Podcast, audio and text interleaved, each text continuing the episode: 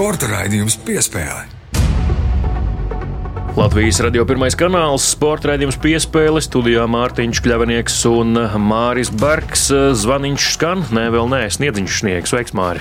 Sveiks, Mārtiņš, sveicināt klausītājus. Sniegs aiz loga daudz, tiešām tāda kārtīga slēpotāja ziema, ir nav slidotāja ziema. Es vairāk esmu par slidošanu, nevis slēpošanu, lai gan uz slēpēm jau esmu paspējis uzkāpt arī šajā ziemā, bet kur nu par to daudz. Otrais raidījums mūsu decembra raidījumu sērijā par sportošanu un augstāko izglītību. Turklāt augsta līmeņa sportošanu un eh, šīs nodarbes, ja profesijas apvienošanu ar augstākās izglītības iegūšanu. Pagājušajā radījumā runājām eh, vairāk par to, mm, kā izglītību ieguva Ziemeļamerikā koledžu sporta asociācijā 2000. gadu sākumā. Tas pats Dmitrijs Miļkevičs, Latvijas Vieglatlētikas savienības ģenerālsekretārs, arī Rodrigo Laviņš pastāstīja par sava dēla iecerēm iegūt augstāku izglītību Amerikā un eh, kā viņš pats apgūst jau doktora mm, līmeņa izglītību te, tepat Latvijā, bet šajā Šajā reizē pievērsīsimies diviem Latvijas augstākā līmeņa pludmales volejbolistiem, kuri uh, savas augstākās izglītības nevienu vienu, viņiem tās ir ļoti daudz, abiem kopā septiņas, ieguvuši pat Latvijā. Jā, tieši tā runāsim šajā raidījumā ar Anastasiju Samoilovu un Aleksandru Samoilovu. Līdz ar to runāsim par izglītības iegūšanu Latvijā un sportošanu pasaulē, bet arī šajā raidījumā pieskārsimies nedaudz arī ASV koledžu tematikai. Jā, paturēsim pagaidām vēl noslēpumu plīvuru pāri tevis tikko teiktajam Māri, bet mēs dodamies jau pie nedēļas spilgtāko notikumu topā. Sporta raidījums piespēlē. Sāksim ar grozu bumbu. Basketbols eh, VF Rīga Champions League sezona nu, pagalam neizdevusies. Tā ir eh, šogad grupu turnīrs, sešas spēles, un tas arī ir viss. Jā, nu VF šajā nedēļā tātad piedzīvoja zaudējumu. Viņi piekāpās Benfikai otro reizi grupu turnīrā. Zaudējums gan mājās, gan izbraukumā. Šonadēļ tātad spēle Lisabonā bija, un tur arī tika piedzīvots zaudējums. Viena uzvara tikai VF. Jā, viena uzvara piecās spēlēs visā grupu turnīrā. Tā gan bija graujoša uzvara. Zaudējums VF komandai pats par sevi nebūtu tik traģisks šajā spēlē, un vēl būtu iespējas arī pacīnīties par šīm pārspēlēm un vietu izslēgšanas spēlēs. Ja man reizes komanda grupas līderi būtu izcīnījuši uzvaru pret Limožu, un līdz ar to VF cerības izkļūt no Champions League apakšgrupas ir pilnībā izsmeltas. Tādu vairs nav. Paliek Latvijas kausa, Latvijas-Igaunijas līga un, protams, Latvijas sešu komandu izslēgšanas spēles pēc tam pavasarī. Bet um, nu, pagaidām tā tad ir pārdomu laiks, secinājumu laiks, acīm redzot par to, kāda ir bijusi šī sezona Champions līgā. Jo nu, problemātika kāda? Nu, mainīgs sastāvs, nav īsti saspēlējušies basketbolisti, kāds neataisno cerības, kādu atlaiž, mēģina mainīt kauliņus, nesanāk. Nu, bet tā laikam ir tā mazbudžeta komanda problēma, ka vienā sezonā tu trāpi kā ar Kailu Almanu un Maiku Kaiseru pirms neilga laika tieši leģionāra ziņā, un tad arī latvieši atplaukst un viss notiek, un tad tu netrāpi ar leģionāriem, un īsti nekas nenotiek. Jā, arī pagājušajā sezonā VF trāpīja ar leģionāriem. Tie nebija tik spoži kā Kails Olmens vai Maikls Kaisers, bet arī joprojām ļoti labā līmenī spēlēja. Viņi bija šīs komandas vilcēji, kuri aiz sevis pavilka visus pārējos. Šogad leģionāru selekcija VF it kā uz papīra labi realitātē diezgan švāki. Līdz ar to tā spēle nevadās.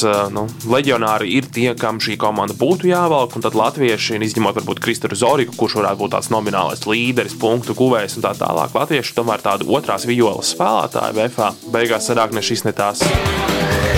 Un pārceļamies uz Ziemeļameriku. Pagaidām paliekam vēl basketbola lauciņā. Nacionālā basketbola asociācija Dāvis Bartāns spēlē gaužām maz, bet Kristaps Porziņš turpina priecēt ar lielisku sniegumu. Ja pagājušajā nedēļā divi rekordi gūtajos punktos un atlikušajās bumbās, šajā nedēļā viens izmestajos soda metienos. Mm, priecē, priecē, ka Kristaps ir agresīvs un pret viņu tiek pārkāpti noteikumi. Tas, tas ir tas, par ko viņš tika daudz kritizēts iepriekš. Mēs par to arī raidījumā esam nevienu reizi runājuši. Iepriekšējā sezonā, it īpaši pēc eh, krustenisko sēžu plīsuma, brīžiem bija sajūta, ka Kristaps kā, baidās iet uz kontaktu. Psiholoģiski jā. baidās iet uz kontaktu, iet uz grozu, agresīvi nospēlēt. Šogad viņš iet uz grozu regulāri, ir daudz soda metienu, vai arī tiek pārkāpti noteikumi pret viņu metienā.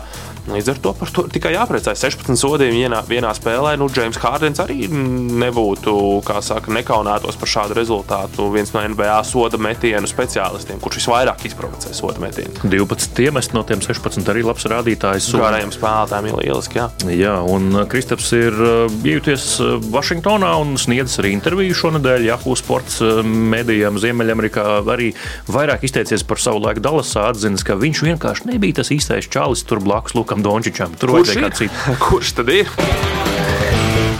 Un eh, trešais pieturas punkts šīs nedēļas spilgtāko notikumu topā krāpšanās, uh, likuma pārkāpums. Uh, skaļš paziņojums no Latvijas Olimpiskās komitejas, ka trīs zvaigžņu balvas tautas balsojumā izmantoti tā sauktie boti, jeb nu, neatļauti vairots balsu skaits uh, sev par labu kādā no kategorijām. Vai nu kāds no sportistiem to darīs, kā no komandām, kā no pašvaldībām, kas to lai zina.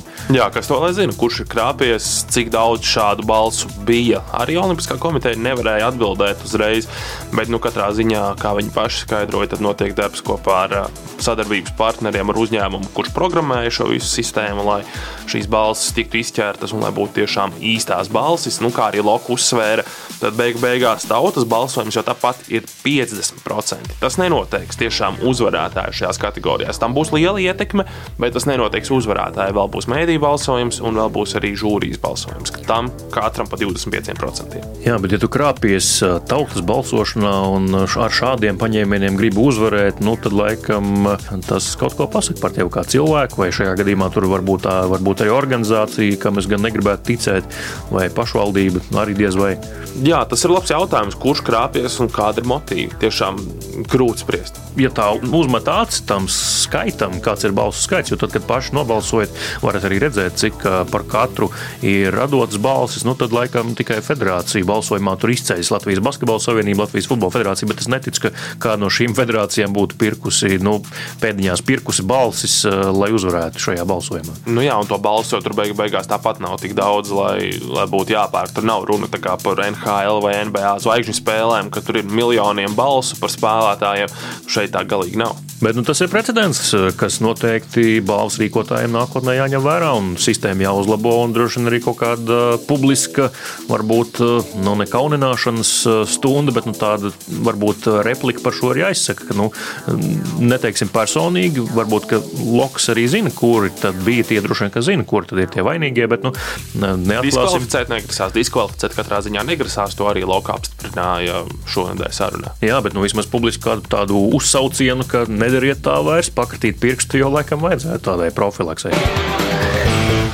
Un pēdējais eh, pieturas punkts šīs nedēļas sporta notikumu topā īsti nav saistīts ar sportu jā, viltus ziņa par to, ka bijušais eh, Latvijas Tenisa Savienības prezidents, arī Rīgas Dienāmo padomus priekšsēdētājs Juris Savickis ir devies aizsaulē. Tam noticēja aptuveni pusstundu kāda daļa Latvijas sabiedrības, jo apmēram tik ilgi arī šī ziņa tika uztverta kā patiesa, nu, tad jau atšķetināts kā mols, ka tā ir viltus ziņa. Jā, kāds negluži jogdaris, bet kāds ar ļaunprātīgiem nolūkiem no Gmail e-pasta adreses, kas bija nosaukta ITER Latvija. ITER.Latvijā gmail.com. Jā, tieši tā bija šādi nosaukti. Bija nosūtījis mēdījiem šādu paziņojumu. Mēdīji bija uzķērušies, diemžēl. Jāsaka, mēs. visi lielākie, jā, arī, lai gan Latvijas radio es tieši tajā dienā strādāju, var pastāstīt, kā tas notika. Eh, es šo ziņu pamanīju vienā no citiem lielajiem medijiem. Uzreiz ierakstīju kopējā tērzētavā mūsu Latvijas radio ziņu dienestu, ka nu, ir tāds fakts publicēts, iemet arī saiti uz šo konkrēto mm, ziņu.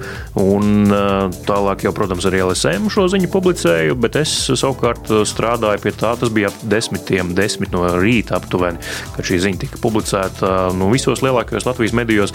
Nu, tad eh, es sāku tomēr pirms um, gatavot tekstu ziņām 11. ka tas ir fakts, ka tā ir noticis.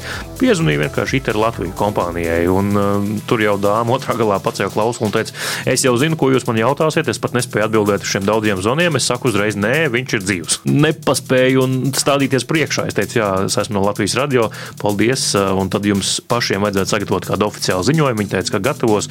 Es gan nepamanīju, vai tiešām tiešām tas tika izsūtīts, bet uh, šādi jokojas vai modrību pārbaudījis laikam nebija vēl līdz šim neviens Latvijā.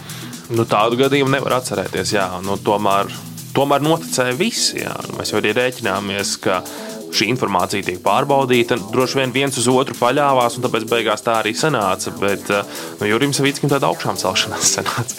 Es, pilni, es nevaru iedomāties, kā viņš jutās izējot no tikšanās. Kā mēs zinām, tajā dienā viņš atradās padomis sēdē Latvijas gāzes.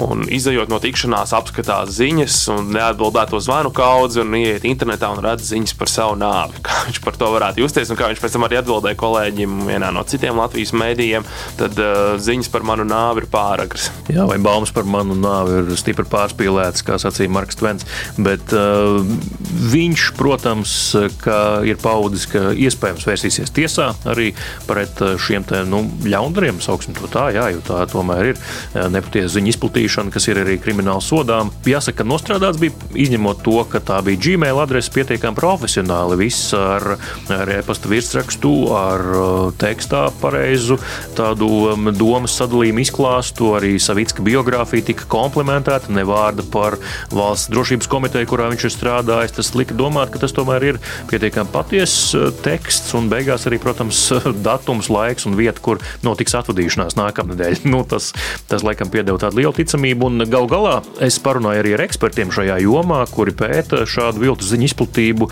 Nu, viņi šo Gmail adreses izmantošanu raksturoja kā 50 pret 50, jo tas nav absolūti simtprocentīgs uh, pārmetums, ka kā tad neviens mēdījis vispār neko neiedomājās un, un noticēja tam, ka no tādas adreses kāds sūta. No savas pieredzes varam teikt, ka liela daļa Latvijas Sporta federācija joprojām komunicēja ar inbox e-pasta palīdzību, kas ir vēl daudz neusticamāks nekā Gmail, un daži izmanto arī Gmail. Jā, tā tiešām ir. Tā ne visiem ir uzņēmuma nosaukums. Tātad šajā otrajā pusē, kas ir aiz ēta, nu, interesanti, interesanti, kurš to darīja. Jācer, ka valsts drošības iestādes pie tā strādā un pēta, kurš to ir izdarījis. Jo tas tiešām ir tāds pārbaudījums mediju pašmodrībai. Tāds labs atgādinājums, kā saka, spēriens pa pakaļu arī dažreiz ir vajadzīgs.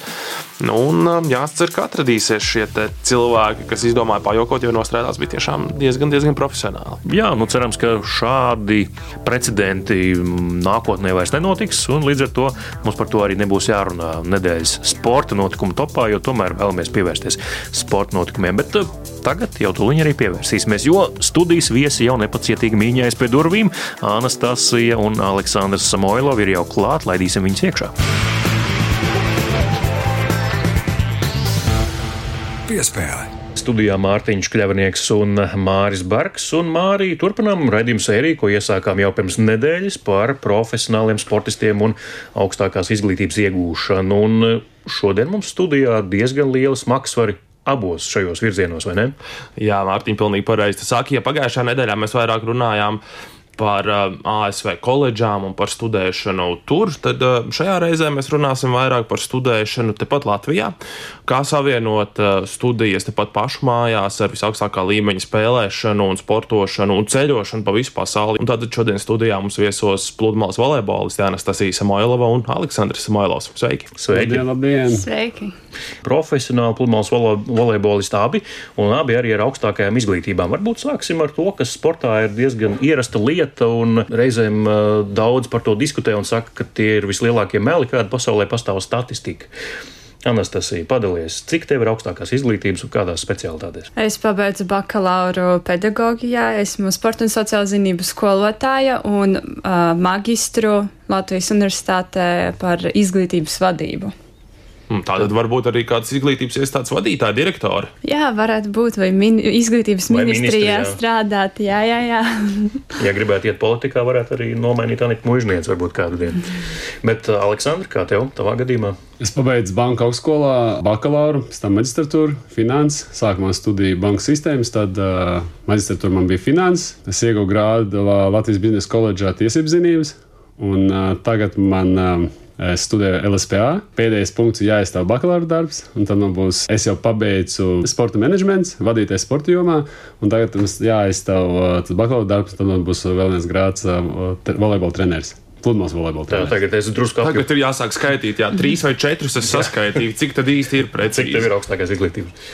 Vai grādi tā saucamie? Nē, nu sanāk, ka, ne, ja, es nezinu, kā skaitīt bakalauru un uh, maģistru, tas skaitās jau tā kā divi. Tie ir divi. Jā, jā un tad man, man ir četri jau. Un būs, Gandrīz. būs piektais. jā. Četri. Četri nu kā, nu, tur ir vadītais sporta joma, un uh, mums tur uh, LSP ir divi paralēli. Vadītais sporta jomā un uh, vecākais treneris.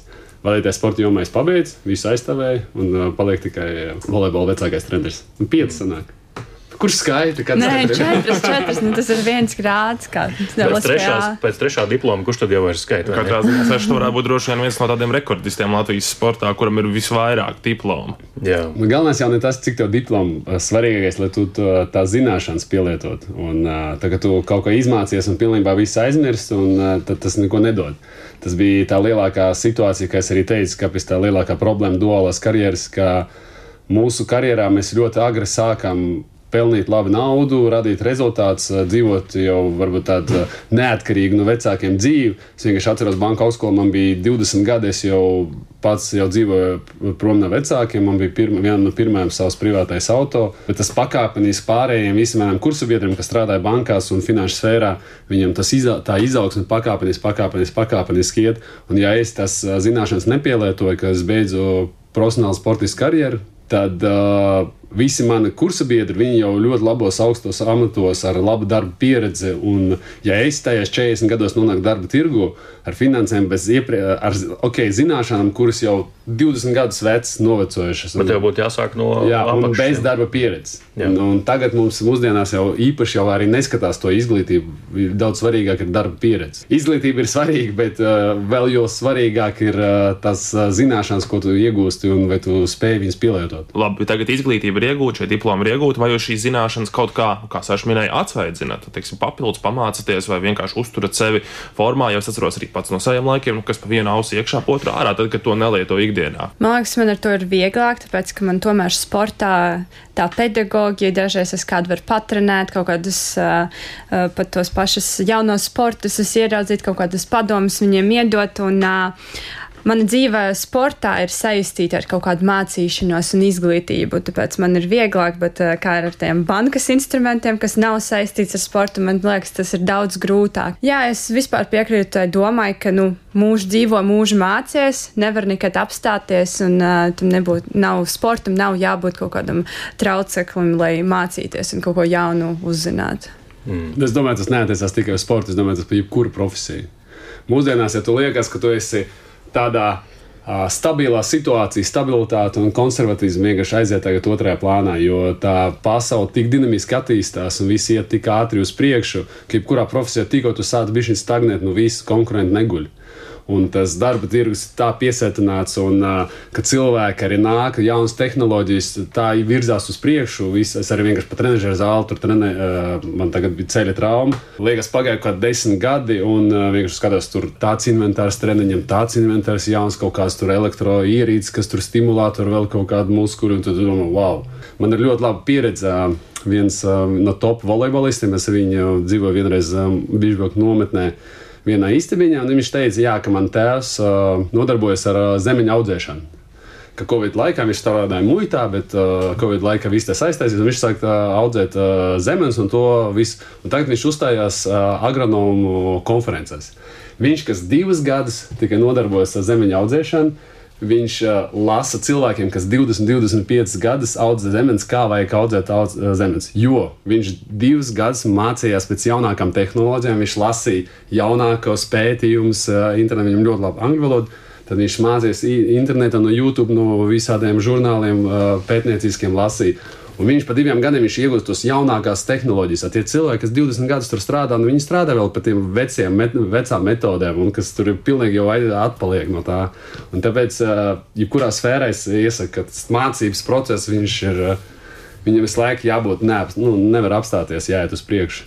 Kas vispār mudināja Nāci tevi un Sašu arī tevi iegūt šo pirmo augstāko izglītību, spērt to soli pretī augstskolai pirmo reizi? Man bija tā, ka es nebiju finansiāli neatkarīga. Es uh, pabeidzu skolu Daugopilī, vienkārši nezināju, ko man darīt, bet es noteikti zināju, ka es iešu mācīties bakalauru. Nu, simtprocentīgi tas pat nebija jautājums, jo, nu, sports, viņš var iet visu mūžu, viņš kaut kādā brīdī var vienkārši apstāties, tur satraumēties var un, uh, un viss beigsies, un kaut kādam plānam B man šeit ir jābūt noteikti. Bet tu un, pati nonāci līdz tādam secinājumam, vai vecāki tev to pastāstīja, ka vajadzētu domāt par augstāko izglītību, un tā var būt, vai Priekš manis pat tas nebija jautājums. Es zināju, ka es iešu mācīties tālāk. Un, uh, man bija grūti izvēlēties no daudzām uh, tām jomām, ko es gribēju mācīties. Man tas sports, laikam, profesionālais jau aizgāja daudz labāk kaut kādā otrā kursā, kad es mācījos. Tāpēc. Bet tā izvēle, tas bija kaut kas tāds, kas tevi tiešām interesē, vai mācīšanās, vienkārši mācīšanās pēc, lai to grādu iegūtu. Teiksim, nu, šajā profesijā redzi sevi pēc tam, kad metīs mieru aktīvajai sportošanai. Tad, kad es sāku iet uz to kā skolotāja, tad es jā, redzēju, ka es varētu būt skolotājs. Tur Dārgopelī arī sāku trenēt bērnus.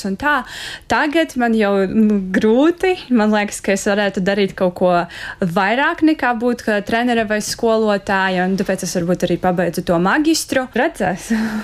Sāšu kā tev. Nu, Pirmkārt, es domāju, tas saistīts ar tradīcijām. Tomēr mums ir pieņems, nu, ka 12 klases, pēc tam augstā universitāte, augstākā izglītība. Un, uh, manai ģimenei arī bija tā, ka vienmēr ir teicis, ka, protams, sports ir ļoti svarīgs, bet mācības man nebūs pirmā vietā. Un, kaut arī tēvs man bija treneris, bet tā viņa teica, ka nu, mācības ir svarīgas. Nu, ka, ka ne, viņš vienmēr teica, nedomā, ka tu būsi nu, tas, tas sportists, kas tikai sportos un neko nedarīs. Nē, tad, kad beidzās profesionāla sporta karjeras, dzīve nebeidzās.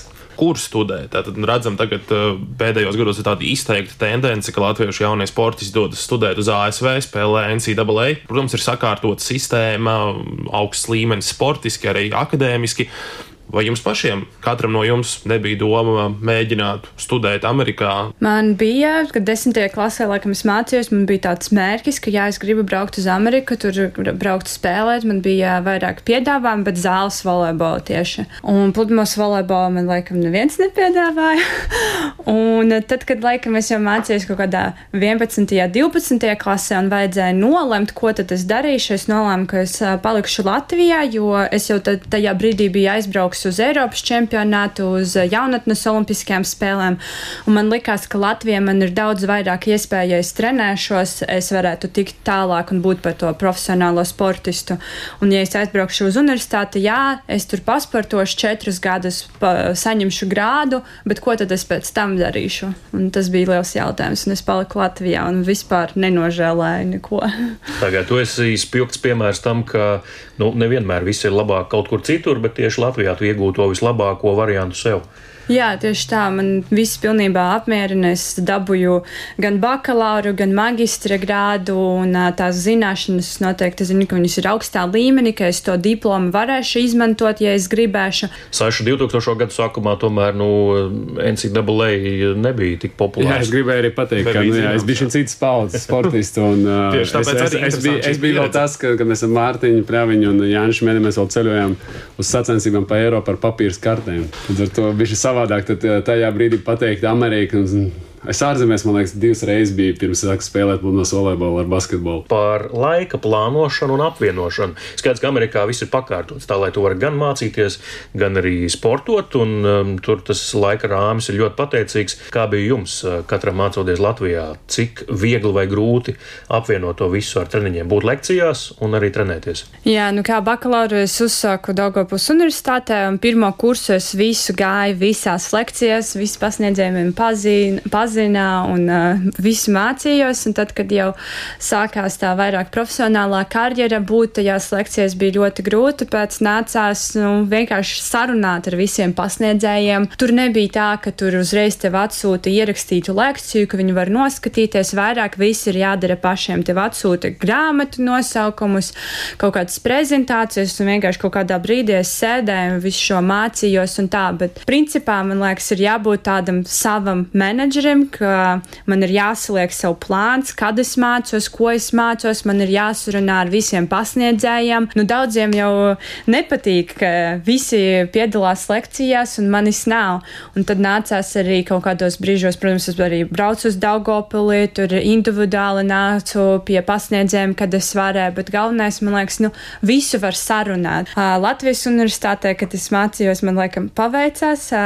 Rudens semestrī es nomācījos, un tā tad sākās Covid, un uh, visas lekcijas bija online, un tad es varēju mierīgi tikt uz visām gandrīz vai lekcijām, noskatīties ierakstus vai uh, online. Es vienkārši gribēju piebilst, pirmkārt, ka Anastasija saka par to, ka sports ieliek to disciplīnu. Nu, es domāju, ka tas no, no temperamenta atkarīgs. Vienkārši Nasti baigi kārtīgi meitene, nu, viņai viss pa plauktu, viņai vienkārši salīgt. Mēs varam salīdzināt, viņi tur saka profesionāli sporta, bet tas nav no profesionāla sporta, tas ir vienkārši no cilvēka ir atkarīgi. Nē, es atceros, man Saša iedeva labu padomu. Viņš teica, nu, tev tik daudz laika lidmašīnās ir. Viņš saka, es visus savus bakalaura darbus rakstīju lidmašīnās. Tas ir tāds mierīgs laiks, kad var paspēt to izdarīt. Nu, protams, laika plānošana ir uh, tas svarīgākais punkts, kas prasa, kā var spēt apvienot nu, laika plānošanu. Nu, cik tu trenējies? Nu, tu trenējies uh, nu, 7 stundas maksimums. Nu, ja salīdzinām ar iesaldīšanu atsildīšanu, ja tev 3 treniņu dienā, nu, iztērē, kamēr tu ēdi, nu, vēl pusotru stundu iztērē. Nu, gula 8 stundas. Rītīgi tā tev paliek kaut kādas 5 stundas, ko tu dari, ko tu gribi. Un tad izvēlēsies, ja tu skaties, tas seriāls, ir liederīgi vai neliederīgi. liederīgi, vai neliederīgi. Nu, pirmais plus, ka mans tēvs ir treneris, viņš bija ļoti interesēts, lai es visu nokārtoju. Līdz ar to mums treniņa process bija pakārtots manam studijām. Viņš prasa, cik os tev lekcijas, saka, tajās, tajās dienās, man piemēram, no desmitiem līdz četriem. Viņš saka, ok, pirmo treniņu taisam astoņos trenižera zālē, pirms studijām, otru taisam piecos vakarā pēc studijām. Jo mums individuāli sportā ir daudz vienkāršāk. Piemēram, ja, kad Nesta spēlēja zāles volejbolā, es nezinu, kā to var apvienot. Tu nevari pateikt, ka, ziniet, es tur, man tur studijas, komanda trenējas trijos, es nāku piecos. Es, es nāku piecos. Bišķi savādāk. Tomēr individuāli sporta veidos, ja tu strādā treneri, ja tu neesi vēl grupā, tad ir daudz vieglāk to visu uh, sakārtot.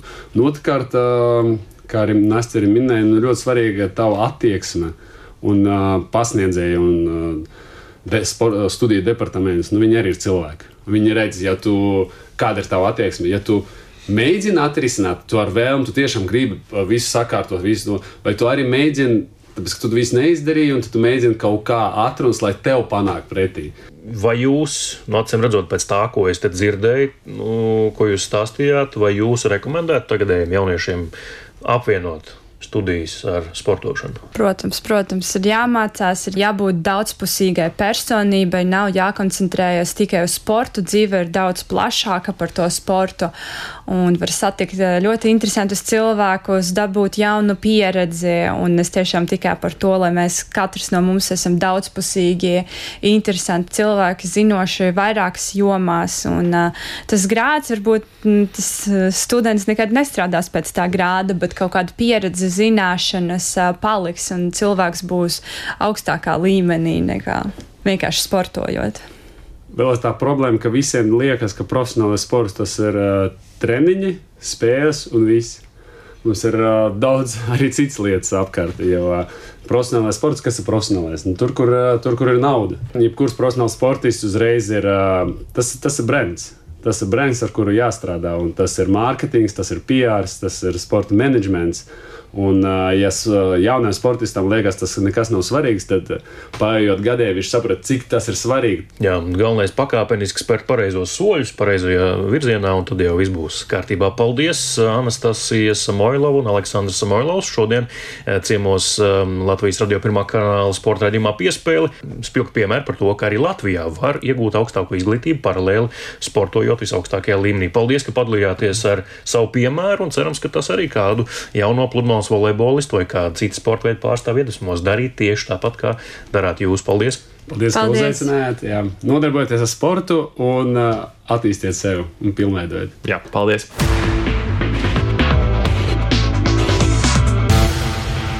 Turpina skanēt Latvijas radio pirmā kanāla sporta raidījums piespēle. Studijā Mārtiņš Kļavinieks un Māris Bergs. Un uh, laiks ierastajai rubrikai, kurā ieskatāmies uh, aizkulisēs. Un uh, kā jau pagājušajā nedēļā, arī šajā pat rubrikā runājām par studēšanu Amerikas Savienotajās valstīs, koledžā un arī um, nodarbošanos ar sportu augstā līmenī, arī par to pašu runāsim šoreiz, bet par pavisam citu sporta veidu, ko Amerikā sauc pavisam citādi. Jā, šajā gadījumā mēs runāsim par sporta karali futbolu un runāsim par Latvijas sieviešu futbolu, runāsim par Latvijas futbolisti, arī futbola treneri eh, Lieni Vācieti. Viņa tātad izvēlējās tādu nu, visai netipisku karjeras un studiju ceļu. Viņa devās studēt uz Ameriku, studēja un spēlēja NCAA. Taču futbols Amerikā nav numur viens sporta veids, un droši vien tas ir popularitātē joprojām aiz daudziem no tiem sporta veidiem, kas tiek spēlēti ASV koledžās. Katrā ziņā turpinājumā klausāmies Lienas stāstu par to, kā viņai veicās apvienojot studijas un futbola spēlēšanu ASV. Kas lācītim vēderā? Tuvojoties 12. klases beigām, varētu teikt, jau 11. klases beigām, jā, tad, kad jau tas pēdējais gadiņš vidusskolā nāca, tu sāc domāt, ko tu tajā dzīvē gribi darīt. Un, uh, es zināju viennozīmīgi to, ka es gribu būt sportā, es gribu palikt uh, futbolā. Un tajā pašā laikā man ļoti būtiski bija izglītība. Un kādas ir opcijas? Latvijā spēlēt futbolu un uh, tajā pašā laikā apvienot ar mācībām, protams, ka var. Bet man, man prasījās kaut kādu to varbūt līmenī augstāk. Kaut kādas opcijas varbūt arī bija Anglijas virzienā. Gribējās arī spērt to nākamo mm. soli tajā futbola virzienā, respektīvi kaut kādu izaicinājumu sev. Tajā pašā laikā turpināt mācības. Un nav jau daudz opcijas. Bija zināms, to, ka, ka ir tāda opcija Amerikā. Man bija paziņa, kas šo, jau, jau šo ceļu pirms tam bija gājusi uz tādu daļējo stipendiju, un līdz ar to viņi arī varēja man nedaudz eh, palīdzēt tīri ar ieteikumiem, ievirzīt, kādā virzienā iet skatīties, ko, kas, kā un kā tas process vispār notiek. Tur tas viss ir tiešām ļoti nopietnā līmenī. Un, ja mēs skatāmies uz rezultātiem, Amerikas sieviešu izlase ir uh, līderi pagaidām visu, visos reitingos. Protams, tur kaut kad kādreiz nokrīt kāda vieta, bet tīri čempionu tituli, sasniegumu viņiem ir pavisam citā līmenī. Kā es līdz šai skolai un komandai nonācu, nu, principā futbolists no Latvijas viņiem uh, nav interesanti. Tad, viņi mani nemeklē. Un viņi nemeklēs nevienu Latvijā. Tu tur var nonākt tikai tad, ja tu pats to ļoti vēlēs, tikai ar pašu kaut kādu iniciatīvu. Respektīvi, ļoti vienkāršs process. Iegāju mājaslapā, ir tāda mājaslapa College Board. Pēc kaut kādiem kritērijiem, kas man bija aktuāli, saķeksēju, kādas skolas man interesē. Tur programmas, lielumi, kaut kur varbūt kādā Amerikas daļā. Un tad tev izmet, nu, 300, 400 universitātes koledžas caur šīm lapām. Viņa mājaslapām atrada treneru e-pasts, uztaisīja nelielu CV par sevi, gan video, gan rakstiskā formātā. Tur tieši futbola CV par sasniegumiem. Paralēli jau bija nolikus arī tos SAT eksāmeni, kas ir nepieciešams. Un sūtīja e-pastu gaisā. Nu, un tad beigās, kas no tā viss iznāca, izsūtīja kaut kādiem 50 e-pastiem, kaut kādi desmit laikam tikai vispār atbildēju un no tiem trīs reāli piedāvāja tādu izskatāmu variantu. Nu, tad uz mm. izslēgšanas metodi nāca labāks piedāvājums no Džordžijas Stātiju universitātes. Nu, ļoti liela skola. Un, protams, vēl viens būtisks moments bija arī šis programmas. Tā bija vai nu trenera, vai, vai sporta pedagoga, vai kaut kāda sporta administrācija. Uh, es tajā brīdī vēl konkrēti nezināju, ko es gribu dzīvē darīt. Es zināju, ka mani interesē kaut kas ap sportu.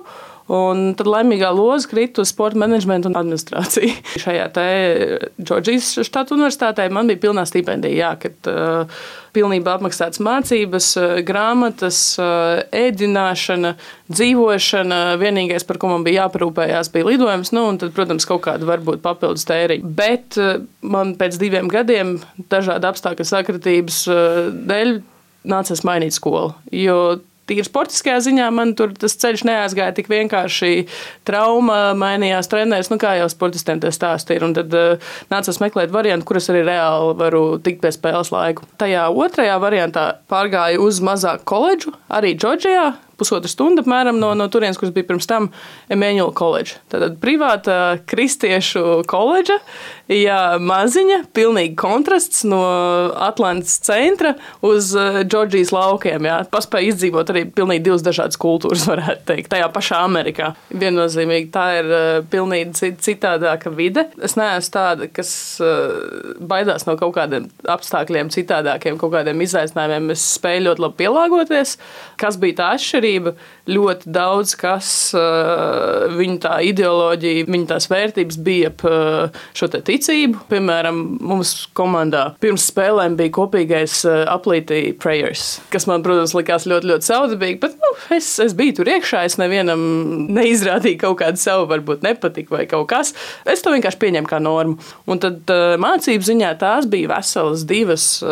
Viena bija lekcija, Un viena bija tā saucamā, nu, baznīcas kaut kāda tā saucamā stunda. Principā divreiz nedēļā visiem studentiem bija obligātās šīs te vēl ticības mācības vai saistītas ar šo ticību. Kā, un arī paralēli jau visādi vēl noteikumi. Ir kaut kādas lietas pēc kaut kādiem standartiem, pēc kā it kā tev būtu jādzīvo kā kristietim, kā ticīgam. Un tad, ja, ja piemēram, studenti lietoja alkoholu vai, vai, vai kaut kādas tādas lietas, viņi varēja tikt izslēgti no skolas. Mēs jau kā studenti mācījām apiet uh, sistēmu.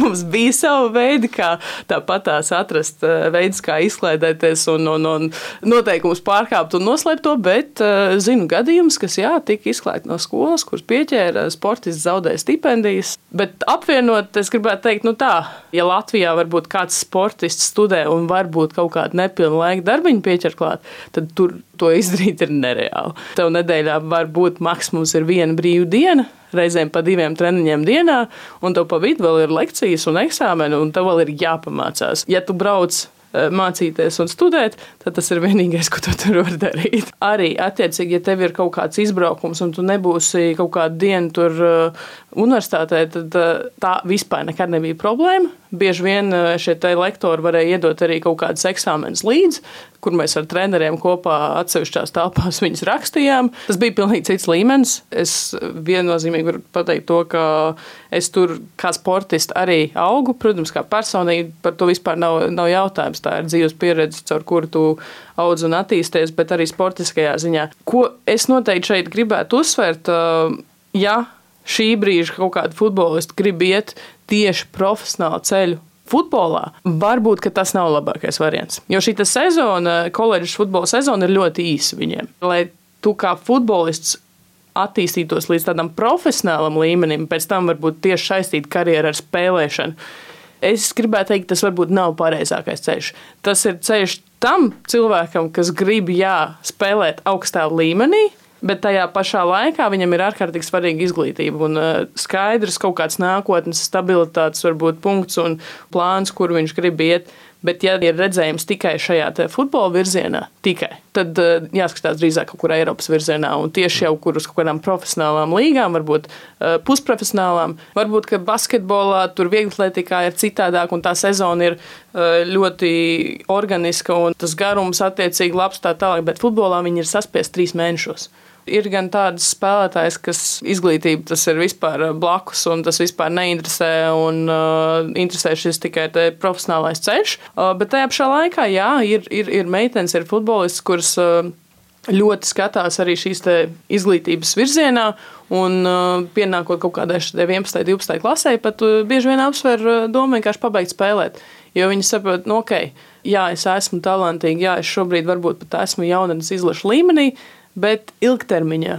Kā tas izskatās manas dzīves plānos. Un, uh, un ir, ir procents, kas pabeidz tieši tāpēc, ka viņi saprot, nu, ko es ar futbolu.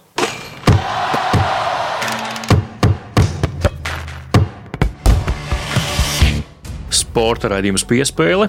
Studijā Mārtiņš Kļavnieks un Mārs Bergs. Nu, līdz ar to arī otrais raidījums no trīs raidījumu cikla par augstu līmeņu sportošanu un augstākās izglītības iegūšanu ir noslēdzies, bet nebēdājiet, nākamnedēļ atkal būsim atpakaļ ar šo pašu tematu un vēl drusciņi paplašināsim tās robežas un paskatīsimies vēl citos kaktos stūrīšos, ko varbūt šoreiz neizgaismojām. Cerams, ka gan Anastasijas, gan Aleksandrs stāstītājs arī kādu būs iedvesmojis vai jauno sportistu vai jaunā sportista vecākus.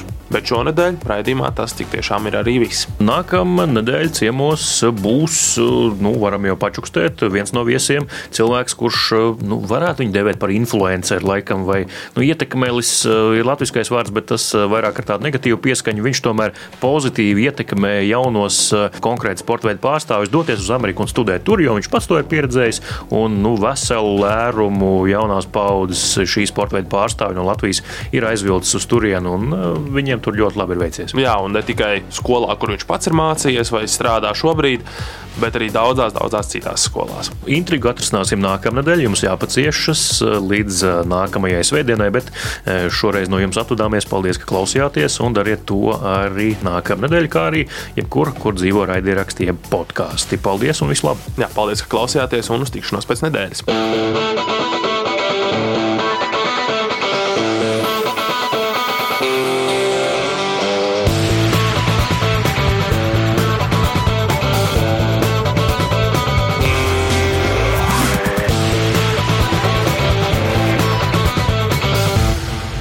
Sporta raidījums piespēlē.